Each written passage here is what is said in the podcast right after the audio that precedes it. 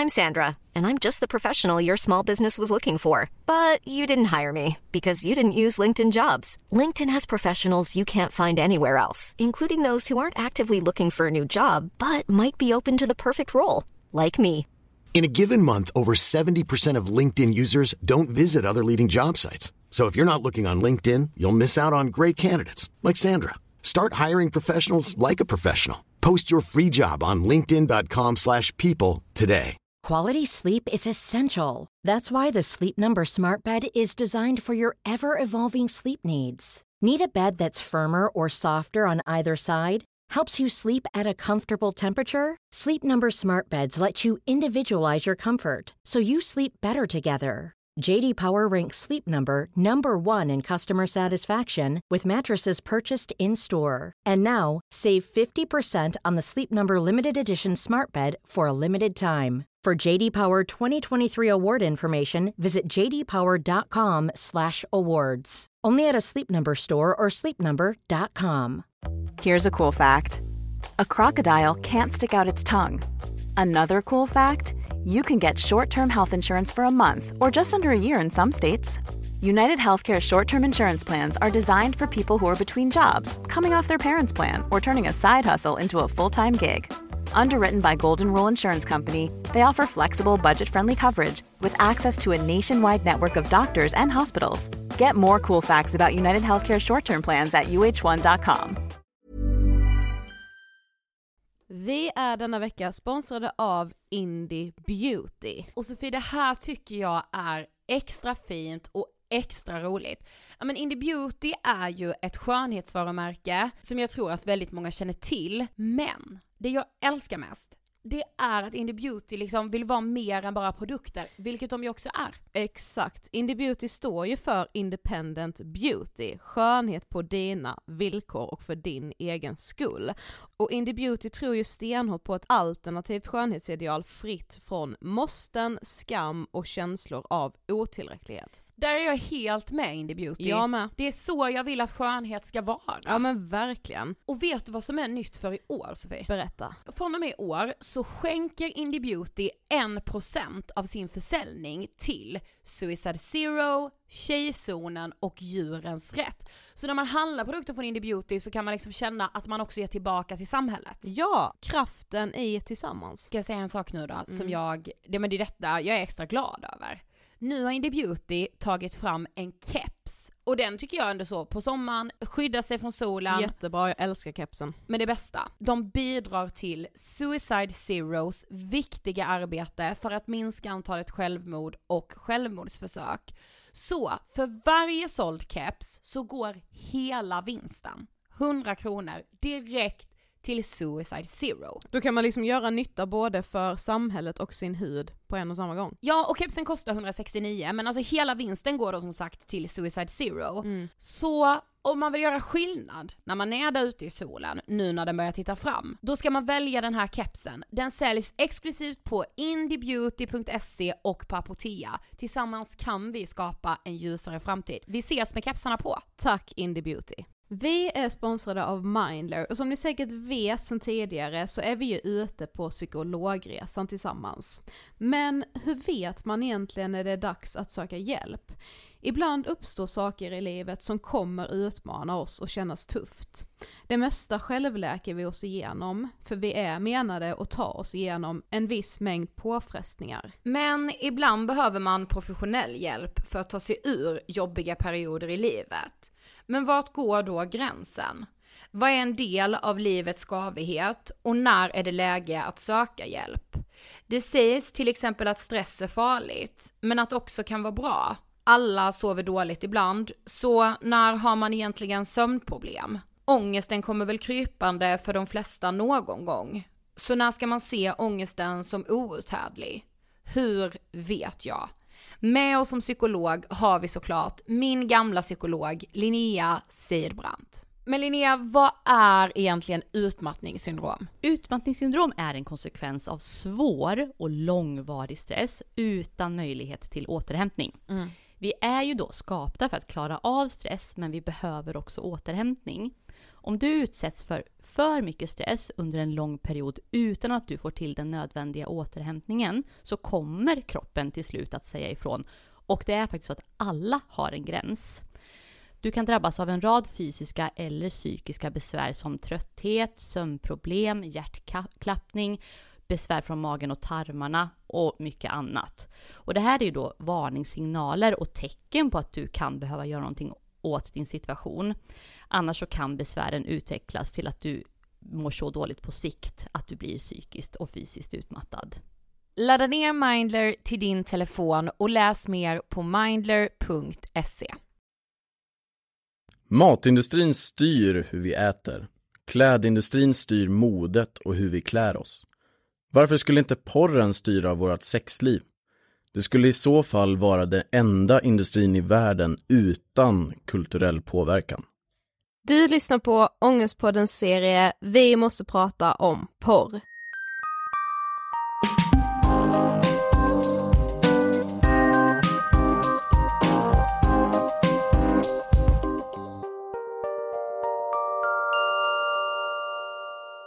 Allihopa och hjärtligt välkomna ska ni vara till avsnitt 147 av Ångestpodden och sista delen av vår serie Vi måste prata om porr.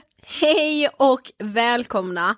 Så vi vet vad vi har insett, Nej. som vi har, inte har gjort någon gång men som jag hör att alla poddare gör. Mhm. Att de säger så här: jag heter Ida, Och jag heter Sofie. exakt, alltså, vi- alltså vi kanske borde göra det. Ja det kanske Det vi borde. helt nya människor sätter på den här podden exakt just nu. Och Fast- tänker så här: vad fan, vem är vem? Men då tycker jag vi gör en twist så jag säger det är du som är Ida. Och det är du som, men vadå, de, vad det går ju inte, de ser ju inte oss. Och Nej. jag heter Ida, Och jag heter Sofie. nu vet ni det. Yes. Men du- Sluttramsat. Ja, men nu är det så här va, på tal om att liksom eh, tramsa höll jag på att säga. Men, men på tal om att man inte ser oss när vi poddar. Precis. Västkusten, vi har ett resultat. Nej jag skojar, vi kommer till Göteborg Yes. och vi ska livepodda i Göteborg på Mm. Kunskap och framtid som är Västsveriges största utbildningsmässa. precis och detta kommer ske den 25 i 11. Mm.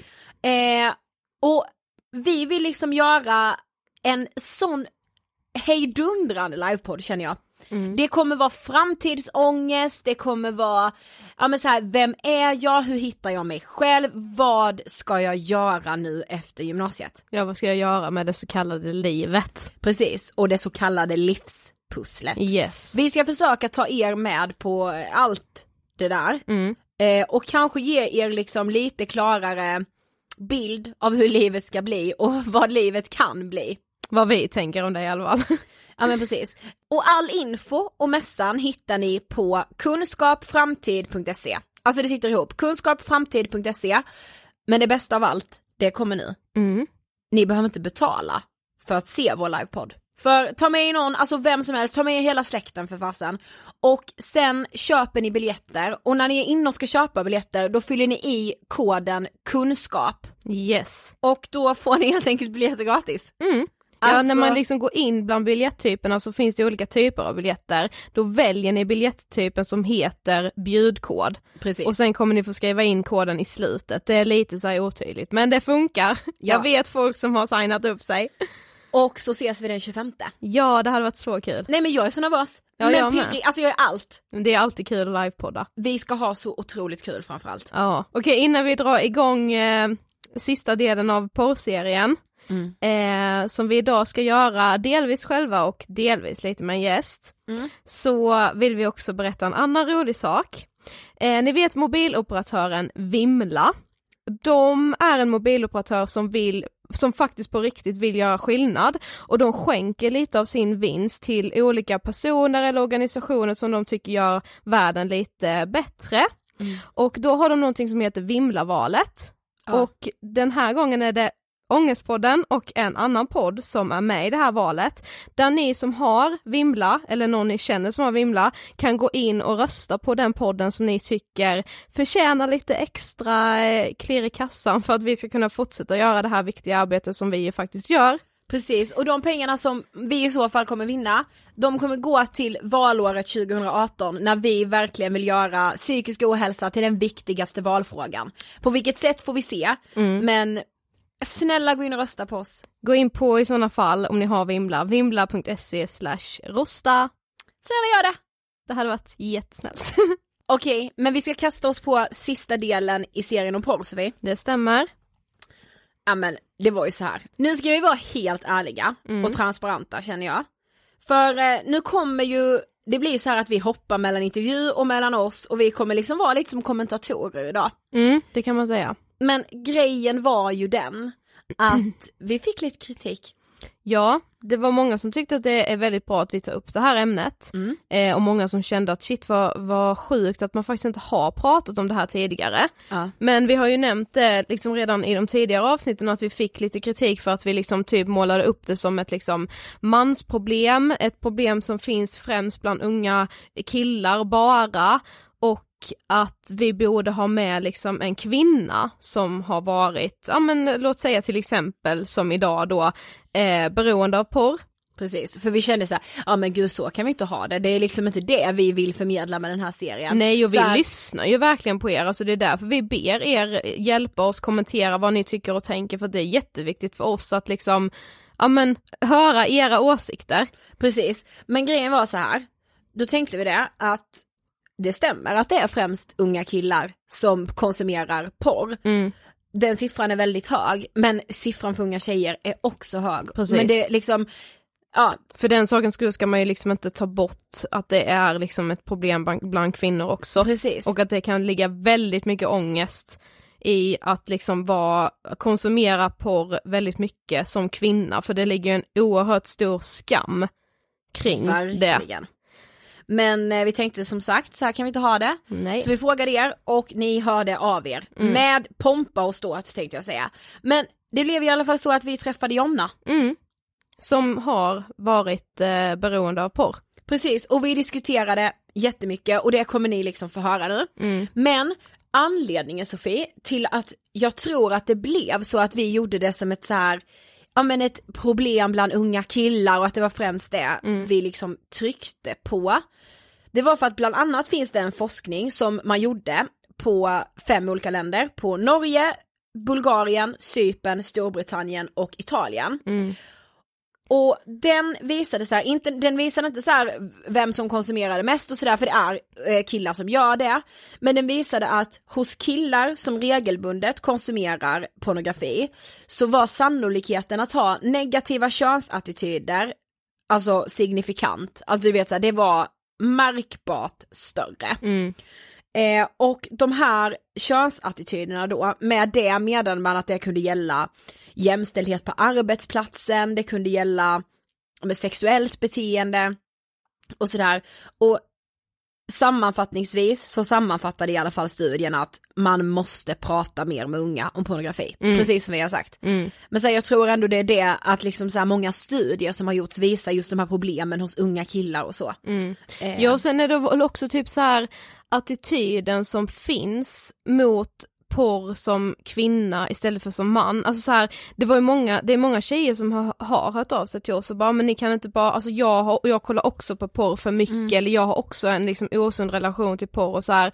Men det är ju mer bara det här att som kille Alltså jag tror att många killar förväntas titta på porr. Alltså när vi har ställt, vi har ju frågat liksom våra snapvänner ja. och då märker man liksom så här eh, att de, många killar liksom svarar mer så här, ja ah, men vadå, det, det gör ju alla någon gång. ja. Medan tjejer mer såhär bara nej jag tittar inte alls eller ja, det vissa svarar så ja ah, men någon gång i månaden eller någon gång, alltså några gånger om året kollar jag ju ändå så här. Ja. men det är mer den här okej nu säger jag det här för jag vet att jag är anonym och jag liksom, jag vill ändå bidra till bra fakta till er podd. Men medan killarna är såhär, ja ah, vadå, det gör väl alla. Mm. Alltså det är liksom två helt olika attityder till porr och man märker ju att det Verkligen. ligger så mycket mer skam för, hos tjejerna att titta på porr liksom. Mm. Ja men det gör det ju. Ja. Vi kommer nog in på det lite mer eh, sen. Mm. Men jag tänkte med så här som jag har funderat mycket på kring den här serien och som vi pratade om redan med Maria i del 1. Mm. Just det här om att definiera pornografi. Mm. Och, och hon pratade ju om så här, ja, men vad ordet betyder och hela det här, alltså det betyder ju i princip filmad prostitution. Mm. Men så tänkte jag med på att så här, ja men för någon som tittar mycket på porr, som då, alltså så här, den här mainstream-porren som vi har pratat om, som innehåller verbal och fysisk aggression. Alltså den personen som konsumerar den har kanske en helt annan definition av vad sex är Precis. jämfört med någon som inte konsumerar speciellt mycket porr Mm. alls liksom. Mm. Och sen tänker jag mig så här, det vet jag att det stod i boken Visuell drog, att så här, de som växer upp nu, deras bild av pornografi, det är något helt annat än bilden deras föräldrar har. Exakt. Alltså det är så här, ja, Och eftersom det ligger ett så stort lock över liksom porren, att man inte pratar med det med sina barn eller så här. Och jag tror på något sätt att utan kunskapen om vad porren är idag, Mm. utan redskap, så hade det typ inte hjälpt att en förälder som är född typ på 60-70-talet, Mm. det hade inte hjälpt ifall 80 också. Ja, ifall de hade pratat med sina barn idag bara liksom och berättat om vad porr är, för att det är så, de kan inte ana hur grov den är idag Mm. om man jämför med när de kanske aktivt tittade på porr liksom. Ja.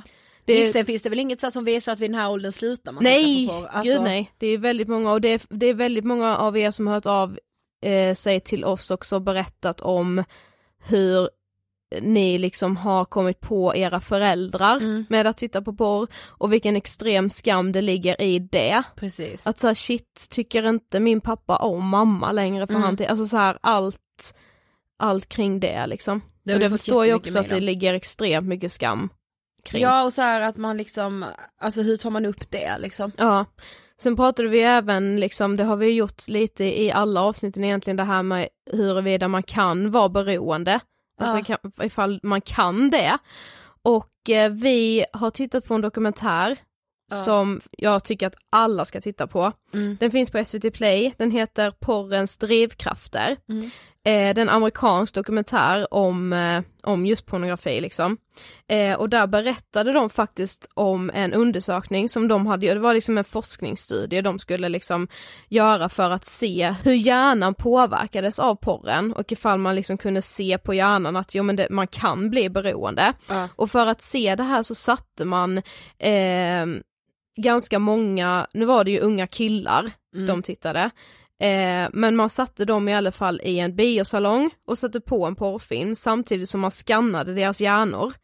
Eh, och det här hade man aldrig gjort tidigare, men man, man kunde se liksom på, de, på hjärnorna att de reagerade på samma sätt som en drogmissbrukare. Ja men det, det ska vi säga med att de killarna som de satt i den här bio, biosalongen, de upplevde själva att de var beroende av porr. Eh, alltså de hade liksom, ja men de upplevde så här: jag har inte en sund relation till pornografi liksom. Mm. Och jag tittar för mycket, jag tittar Jag känner att jag måste titta liksom. Ja precis, jag kan inte kontrollera det här riktigt. Nej. Eh, Och Så det alltså- var inte bara så här, ja ah, det var första gången någon såg porr och de reagerade som en drogmissbrukare. Nej, nej. Så var det inte, utan det var killar som upplevde sig själva vara beroende av porr. Mm, men det, hjärnan blev, det blev exakt samma effekt som när man är liksom missbrukar en drog och får det, Ja. här, det här ruset eller lugnet av att åh, nu stillas mitt begär liksom. Precis. Det, det, hjärnan liksom såg likadan ut. Ja.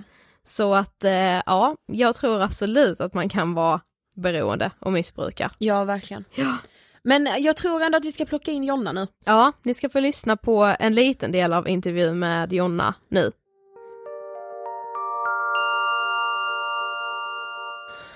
Eh, alltså porr för mig idag eh, tänker jag är någonting som eh, dagens unga påverkas väldigt mycket av eh, i och med att man börjar kolla på det i så himla ung ålder. Det blir ofta den första ska man säga, introduktionen till sex även om jag kanske inte vill se porr som sex men liksom det som man tänker är sex. Eh, och att det är det första man får se. Eh, det är det man tror att det är. Eh, och det tror jag inte är så himla bra liksom.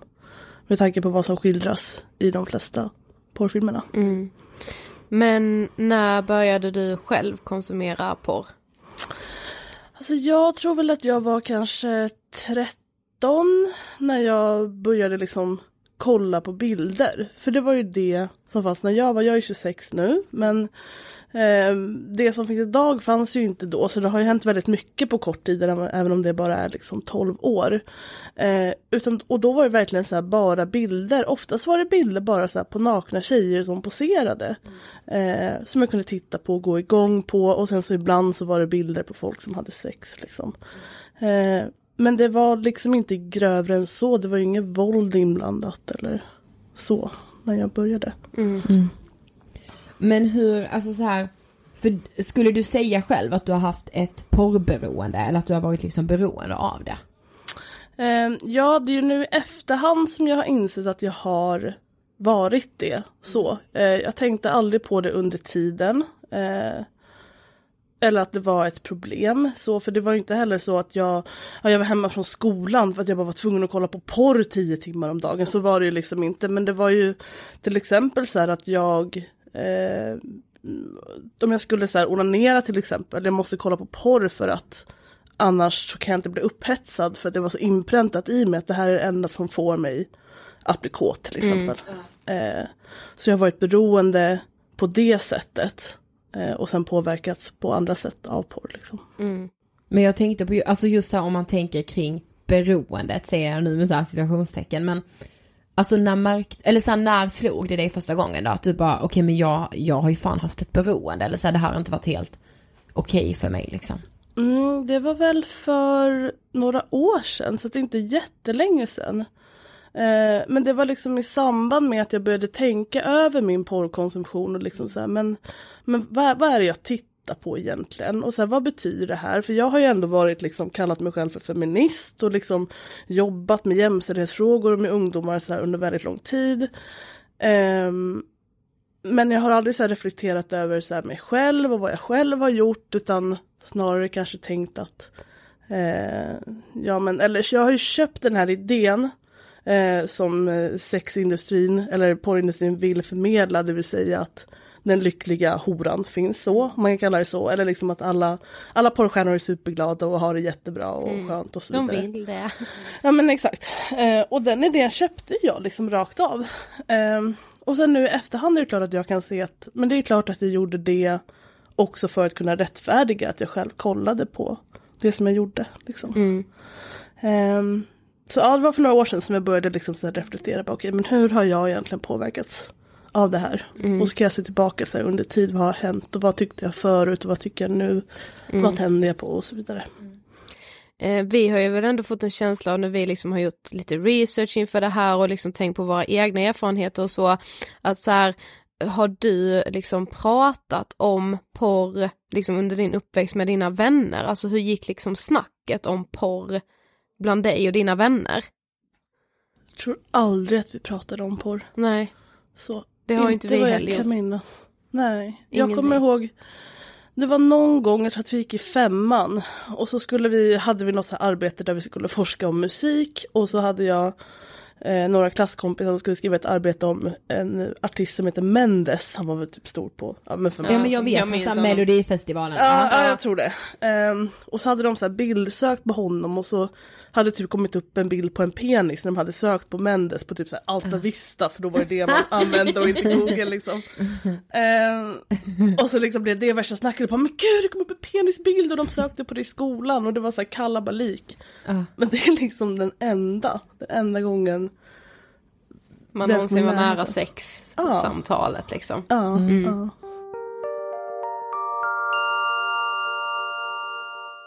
Nej men vet du vad jag funderar mycket på? Nej. Det här med feminism och porr. Ja. Det är, eh, det har jag verkligen med börjat fundera på mer, alltså mm. nu från när vi liksom startade den här serien.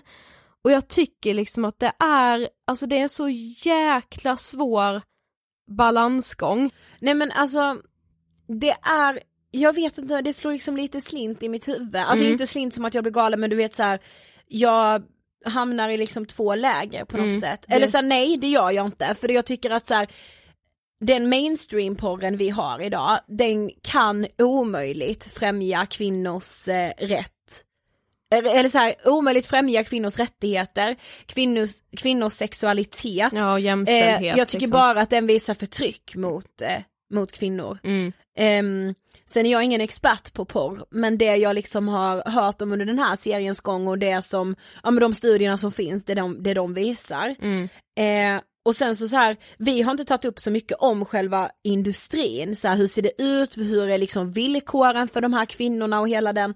Men jag tror att de som väl hörs inom så sexindustrin, det är exakt samma sak som i prostitution. De säger att de diggar det här, de älskar att spela in porrfilm, de tycker det är hur nice som helst för de tjänar bra, det är en kul grej, de, sen släpper de det liksom. Alltså det, är ingenting, det är ingenting som tynger dem. Och jag förstår att man köper det då och att man ser den här, en av tio av de här tjejerna som säger det att så här, låter henne bli något slags föredöme och den som får prata för hur porrindustrin ser ut. Precis. När det kanske är nio tjejer som är fast i ett missbruk, som mår extremt dåligt och som kanske till och med är tvingade på grund av människohandel, eh, trafficking och liknande att spela in de här filmerna. Att så här, men just det här uttrycket om den citat lyckliga horan, slutcitat. Precis. Och man fick ju faktiskt i den här dokumentären som finns på SVT Play då som vi tittade på, då fick man ju faktiskt följa, eller följa, men de intervjuade två stycken kvinnor som har liksom varit porrskådisar. Ja. Eh, och de båda vittnade ju liksom om samma sak, det var liksom så här, man blev på något sätt typ inlockad i den branschen för att, eh, ja men en av dem hade börjat jobba som strippa och så hade hon blivit castad till en film. Och bara åh, eh, liksom vi ska göra dig till stjärna. Och så här, hon tjänade svin mycket pengar, Ja. alltså verkligen, och hon blev så här, hon blev liksom ett namn i porrvärlden. Så hon var ju liksom en känd porrskådis. Och då tjänar man ju hur mycket pengar som helst. Och hon fick liksom leda andra program på typ MTV och så här. Ja. Men hon var ju liksom inte lycklig för det, hon fick ju inte den här riktiga kärleken, hon sa så bra, hon bara Alltså berömmelse och kärlek är två helt olika Ja. saker men man blir så liksom på något sätt kö- överkörd av det som man bara, jo men jag blir uppskattad hur mycket som helst men det är inte för den personen man är utan för det man har presterat i en jävla porrfilm liksom. Eh, och just det här också med att, ja de kan tjäna mycket pengar för stunden men allt som någonsin hamnar på internet kommer ju för alltid vara kvar där.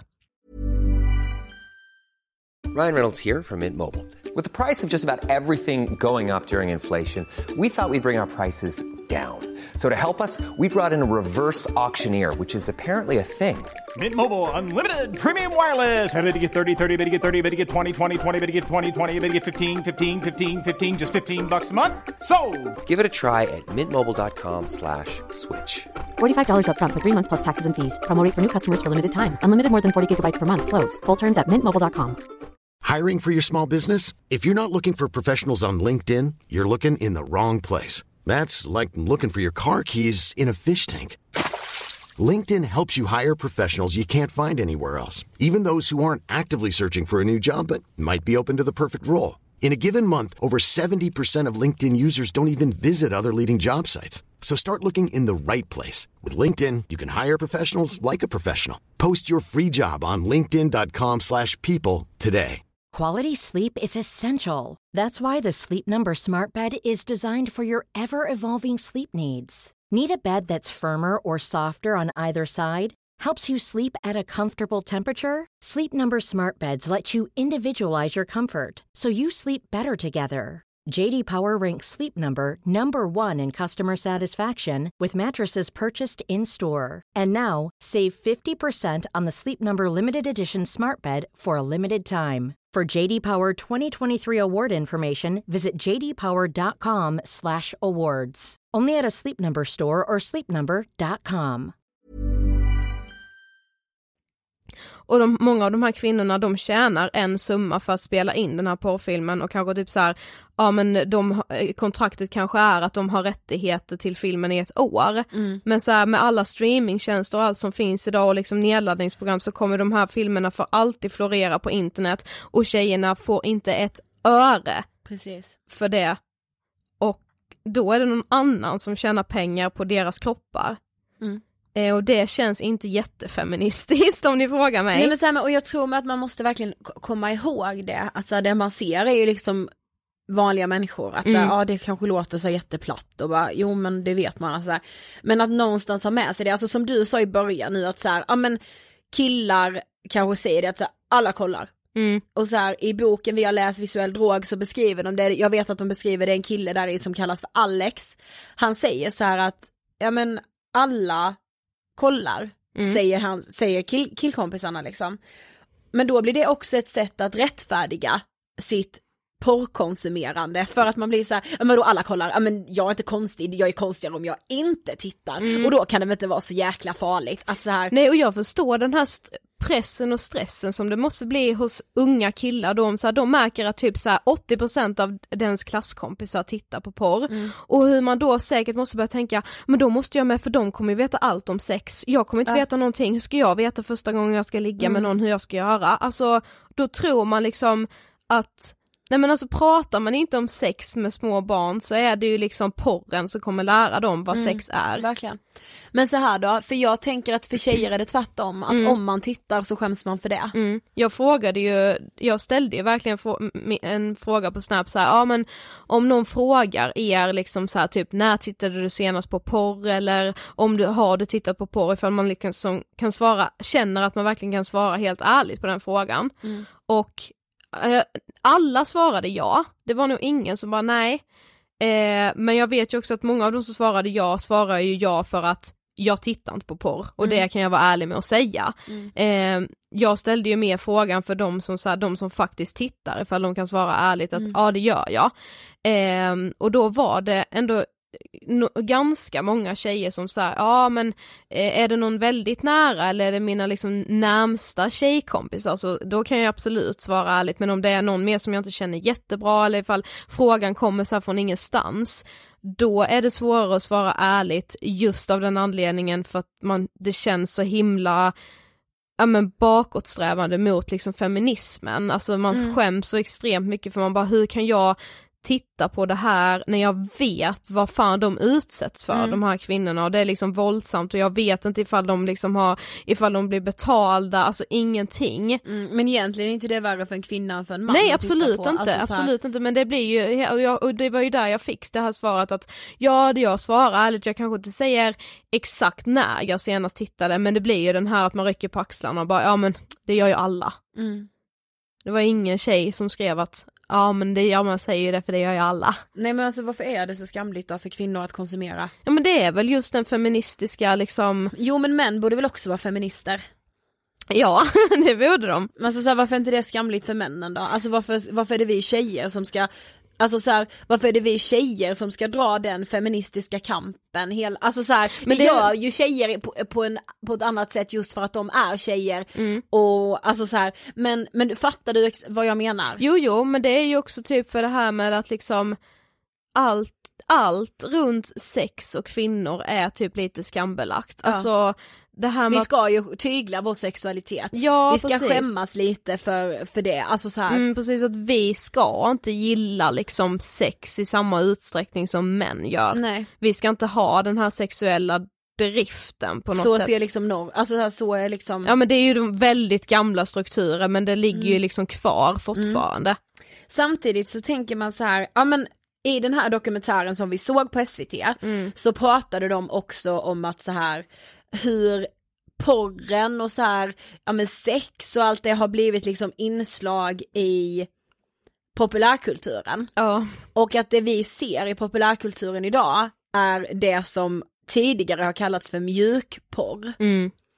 Eh, vilket innebär att så här, ja men skivomslag eh, på kvinnor i bikini exempelvis, att det är mjukporr. Att Mm. så här, ja men det vi ser på instagramkonton när eh, både kvinnor och män, alltså så här, där blir jag helt så här.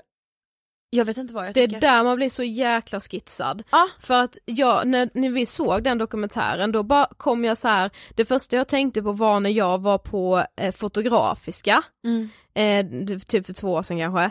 Ehm, och så den ena utställningen där då var eh, en, så här, en modefotograf som hade fotat liksom kvinnor, det var ju jättefina bilder. Eh, det var typ så här, ja, men smala modeller som stod i en liksom tiny tiny liten trosa, du Mm. vet vad några trådar typ. Eh, och sen typ så här en jeansjacka och sen var hon naken under den så hon hade liksom jeansjacka och små trosor. Man såg ju liksom inte brösten men man såg att hon var naken under. Mm. Och att det, det var så fantastiskt fina bilder. Ja. Eh, och jag, ja det är klart att jag är den feministen som bara, ja ah, men tjejer ska kunna gå nakna utan att de ska bli våldtagna. verkligen. man ska få lägga ut exakt vad man vill och hur avklätt man vill. Men sen bara, eller är det här objektifiering av kvinnor? Men Vet inte, vad- inte om man vill det själv, men vill man det själv då? Ja, Alltså så här, gör man det för sin egen skull Precis, eller gör gör- man det för att någonstans i ens undermedvetna så blir man mer attraktiv för mannen. precis. För jag vill ju att kvinnor ska kunna stå, alltså vadå jag ska kunna stå på min instagram i ett par trosor Mm. bara med mina bröst rätt upp och ner. Här är jag i min helhet och så här jävla vacker och fin Mm. Här är är jag på kropp. min kropp. Alltså varför ska kvinnokroppen hela tiden sexualiseras? Ja, men du vet ju att ehm, eh, Mia Skäringer och eh, vad heter hon nu, Mannheimer, Ja. ja, i deras podd, Mm. eh, något av de första avsnitten, då pratade de just om den här ja men typ nya feministen, hon Mm. som lägger ut väldigt mycket na- na- inte naket men väldigt avklätt, kanske Mm. ganska vågade bilder liksom. Och då pratade de om- just det här med att bara, hon tror att hon är så himla feministisk, att hon gör det här bara för sig själv, men man ser ju samtidigt på henne att hon gör det för att liksom söka mannens uppmärksamhet. Och jag blev helt förfärad när jag hörde det först, för jag bara hur fan kan de liksom, hur kan hon klanka ner på typ unga tjejer som liksom tar den här striden och visar att ja men jag gör det här för mig själv, jag ska kunna stå naken på ett torg utan att någon ska liksom våldföra sig på mig typ. Samtidigt nu så fattar jag ju vad de menar, för jag undrar hur många som faktiskt, faktiskt gör det för bara sin egen skull. Mm. Eller som gör det för liksom att ändå, samtidigt som man kanske, man kanske Alltså jag vet inte, nej jag blir helt, alltså att man kanske, vi- inte att man vill sexualiseras men alltså man kanske själv tycker att man blir liksom porrig och sexig när man lägger ut de bilderna och att man vill visa det. Ja, att man det är ju inte heller själv, fel. Liksom. Absolut inte. Nej. Du vet jag blir helt, och du vet så här som, ja men det pratade vi om också att så här, Paradise Hotel, Mm. Big Brother, är det porr? Ja, men det, ja, Nej men alltså så här, det är det ju inte i min värld. nej Men inte samtidigt min är det då för att jag, populärkulturen har skjutit så att por- det porr var för, på 70-talet. Mm. Så idag måste porren vara så grov för att den måste ju skilja sig från populärkulturen. Precis, annars, annars skulle ju inte ju porr porren behöva. Alltså fattar du? Ja. Sen tyckte jag också de tog upp en väldigt viktig sak i dokumentären. Som, Alltså vi hoppar väldigt mycket från det här har vi läst i boken, det här har vi läst i dokumentären, eller sett i dokumentären, men eh, jag hoppas ni ska fatta. Ja och det är ju också för att vi är inga proffs på porr. Men vi klart har, vi har satt oss in hörni. Ja, vi har konsumerat mycket porr, eller jag borde säga nu, men nej men alltså saker runt omkring porren liksom.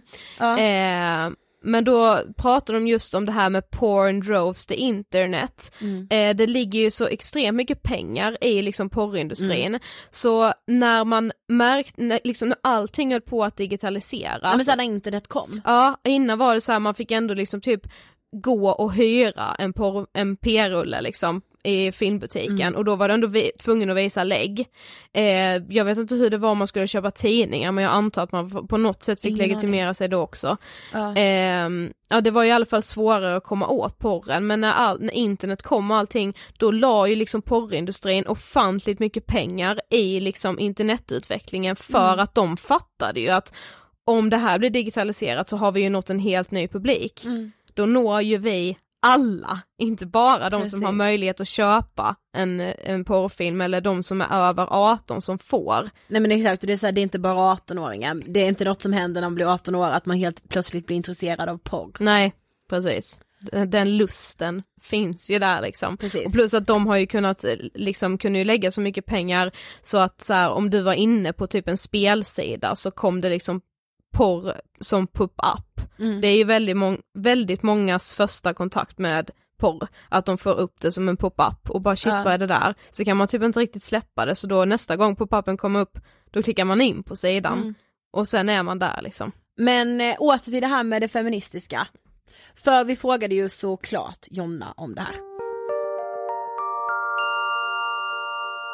Eh, jag vet inte riktigt om det har att göra med att det är ganska våldsamt och brutalt utan det kan väl mer vara att sex överlag är ju tabubelagt som kvinna liksom. Ehm, och jag tänker att det var säkert tabu redan på 70-talet i de här tidningarna som fanns i kojor i skogen. Liksom att liksom, kvinnor pratade väl inte om att de läste dem och onanerade för glatta livet. Liksom. Mm. Utan det var ju en sak som killar och män gjorde.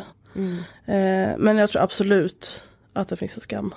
Det är liksom så konstigt för att egentligen är det så här man blir ju typ, det blir liksom en grej när en kvinna är väldigt så här öppen med sin sexualitet. Alltså det blir så här en snackis som, oh shit, de är så frispråkiga som vågar prata så mycket om sex. Men du har ändå så här pratat mycket om jämställdhet och feminism och så och det försöker vi ju verkligen också göra så mycket som det bara går i Ångestpodden.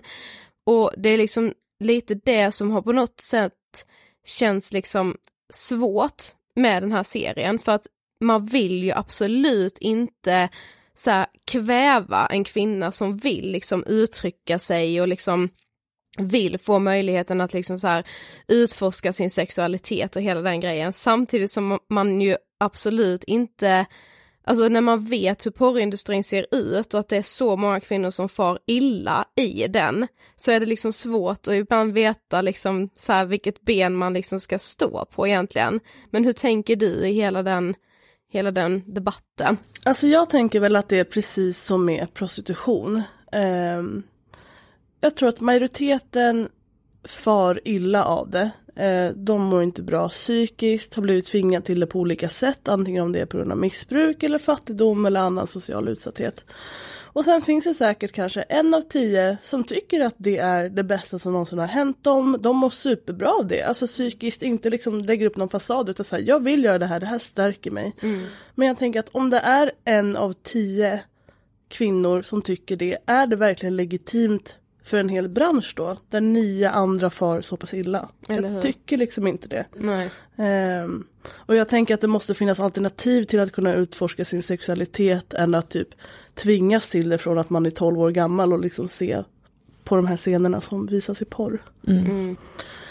Alltså jag tänker väl att porren har påverkat eh, mig genom att eh, jag tror inte att min sexualitet hade sett ut som den gör idag om det inte vore för porr. Eller det som jag har sett i porr som jag på något sätt har lärt mig att det här förväntas av mig eh, under sex till exempel. Eh, och där tänker jag att det är delvis jag själv som har liksom tänkt att det här förväntas av mig så jag gör det. Men också att jag har kunnat märka det på sexpartners att eller och kunna tänka på det nu i efterhand att men vänta nu, det där skulle man inte gjort förr i tiden liksom. Det där måste ju vara någonting som är från porren liksom. Eh, så tycker jag. Men vad var det för så typ av porr som du konsumerade som mest? Alltså jag tror inte att det var någon speciell typ av porr så men det är ju klart att det blev det som så här, de som har pratat innan också säger att det lätt blir grövre och grövre och så var det för mig med och det var ju absolut inte liksom det grövsta av det grövsta liksom där man nästan misshandlas till döds. Så var det ju Nej. absolut inte. Men ändå liksom det gick ändå från de här bilderna på nakna tjejer. Det, alltså det skulle jag ju inte kunna gå igång på liksom år efter. Alltså då var ju det det gick ju inte då. Utan det blev ju liksom mer och mer hardcore så. Eh, som man skulle kalla det med det som är typ mainstream porr idag. Så. Ja det är De det som är gränserna har ju så sjukt att det är liksom hardcore som är mainstream. Ja, och det som man liksom förr kallade för mjukporr är ju sånt som vi ser i typ tv och Ja. filmer och Ja men det är ju verkligen exakt som det här Jonas säger som vi nämnde nu innan vi liksom la in intervjun igen, det här med att det man liksom, ja men det man ser på tv idag, typ Big Brother och Paradise Hotel, det hade verkligen ansetts vara porr. Och när, när vi liksom bara, alltså när jag tänk, när jag ser täcket guppa på Paradise Hotel, Mm. det är ingen del av mig som blir upphetsad. Nej nej. Alltså så här, jag kan typ tänka, ja ah, fan vad gött att ha lite sex, men alltså jag blir ju inte kåt. Men vi har ju faktiskt fått några meddelanden Mm. från eh, lite yngre personer som har skrivit till oss att så här, nej jag har inte tittat på porr men jag har tittat på Paradise Hotel. Mm. Eh, och det tycker jag ändå säger en del, att de så här tycker ändå att det kan jämföras med porr. Ja, för om det, jag förstår ju dem, för är det deras första kontakt med sex, Mm. då förstår jag att det är första gången de känner lite så här: oj shit, Vad de, de där? ligger liksom. Mm. För det minns ju jag, det var ju det som var så spännande med, alltså Big Brother var ju skithett när vi var typ i, i liksom den här åldern, typ Mm. så här 10, 11, 12.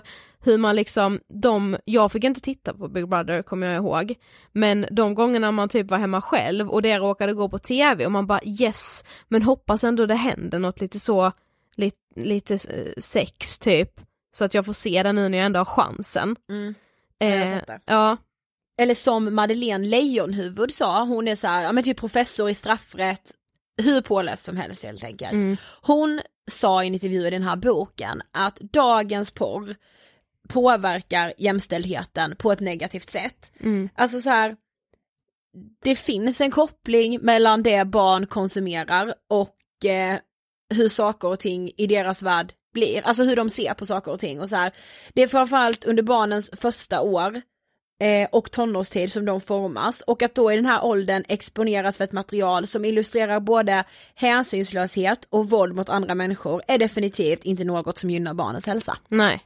sa hon. Och det tycker jag ändå är så här, jag tar verkligen till mig av det för jag tycker att det är jättesjälvklart när jag Mm. hör det. Ja. Men du, om vi liksom ska knyta ihop säcken lite med. Ja, ska vi försöka göra det med? Nej men du vet så här, vi ville ju typ göra den här serien för att så här, hur påverkas människor av porr? Mm, Och framförallt unga människor. Eh, och det kanske inte vi har något svar på. För att det finns inget svar på det. nej. Vi vill liksom väcka frågor och tankar med den här serien och det tror vi verkligen att vi har gjort. Mm, Men jag tog också ett citat från forskaren Magdalena Mattebo, mm, just när det gäller frågan om påverkan. För, ja men så här, hur påverkas vi och i vilken utsträckning? Vilket såklart är så olika för varje individ. mm, Men hon sa så här, detta är så bra. Vi borde inte prata om påverkan utan istället prata om samband. mm, Alltså så här, nej, det kommer inte vara så att alla unga killar idag som är 13 år och som konsumerar porr kommer gå ut och våldta tjejer när de sen blir 20. Absolut inte. nej. Men vi måste titta på sambandet mellan våldsbrott och pornografikonsumtion, sexualbrott och pornografikonsumtion. Mm, Det sambandet tror jag är livsfarligt att blunda för. mm. Ja, och det är livsfarligt att liksom över de sambanden säga saker som, men vadå, man lär ju sig av Mm. porren och eh, typ den här att, ja men vadå, nej kvinnor utsätts inte alls där de tjänar mer än vad männen gör Mm. eh, i de här porrfilmerna, alltså alla de här, ja det kan stämma till viss del, men det bräcker ju inte det sambandet mellan liksom våldsbrott och porrkonsumtion. Det bräcker inte att Lisa Holms mördare hade så brutala porrfilmer eh, i sin dator. Som illustrerade exakt det han gjorde med henne. Precis. Och jag, jag tog, eh, läste även ett annat exempel, just det här, ja men Kapten Klänning har säkert de flesta hört om. Mm. Den här poliskommissarien som verkligen eh, uttalat var feminist, han stred för jämställdhet mellan könen. Mm.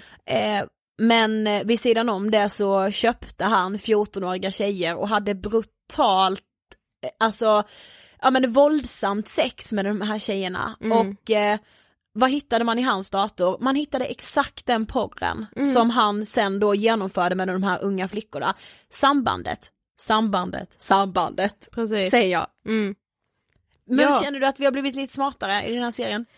Eh, jag känner att jag har blivit lite mer allmänbildad. Mm.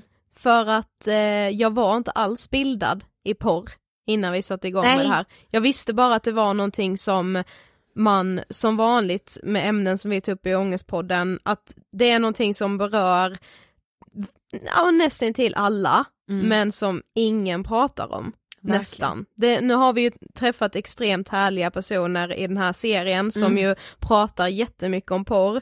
Eh, jag vill återigen tacka er. Ja men Maria, Johannes, Josefin och Ekpat och så Jonna idag. Ja. Herregud, utan er hade den här serien inte varit möjlig. Då hade den absolut fallerat fullständigt. Det hade den och speciellt tack till boken Visuell drog som är skriven av Maria Lin och Ulrika Stigberg. Mm. Och även till ja, dokumentären på SVT. Mm, som heter Porrens drivkrafter. Precis. Tack så jättemycket för att ni har lyssnat och tack för era inputs. Tack för alla liksom svar på Snap när vi har Ja. frågat massa porrfrågor. Ja, ni är helt otroliga. Ja men ni förstår inte vilken hjälp det är liksom. Jag tror inte det är sista gången vi sätter oss in i den här typen av ämnen. Nej. Ja, det vet vi att det inte är. Nej. Men eh, i, nästa vecka så vi, ja, jag ser så mycket fram emot nästa vecka, då blir det ett ämne som vi kommer gråta och vi kommer skratta. Ja det tror jag verkligen, det är bara du och jag då. Ja, det blir skratt och gråt. Och innan vi avslutar så vill vi skicka med er ett litet citat från SVTs eh, avsnitt om porr, nämligen eh, gratis porrsajter är lika med gratis cigaretter utanför skolan. Sug på den ni, så hörs vi nästa vecka. Hej då!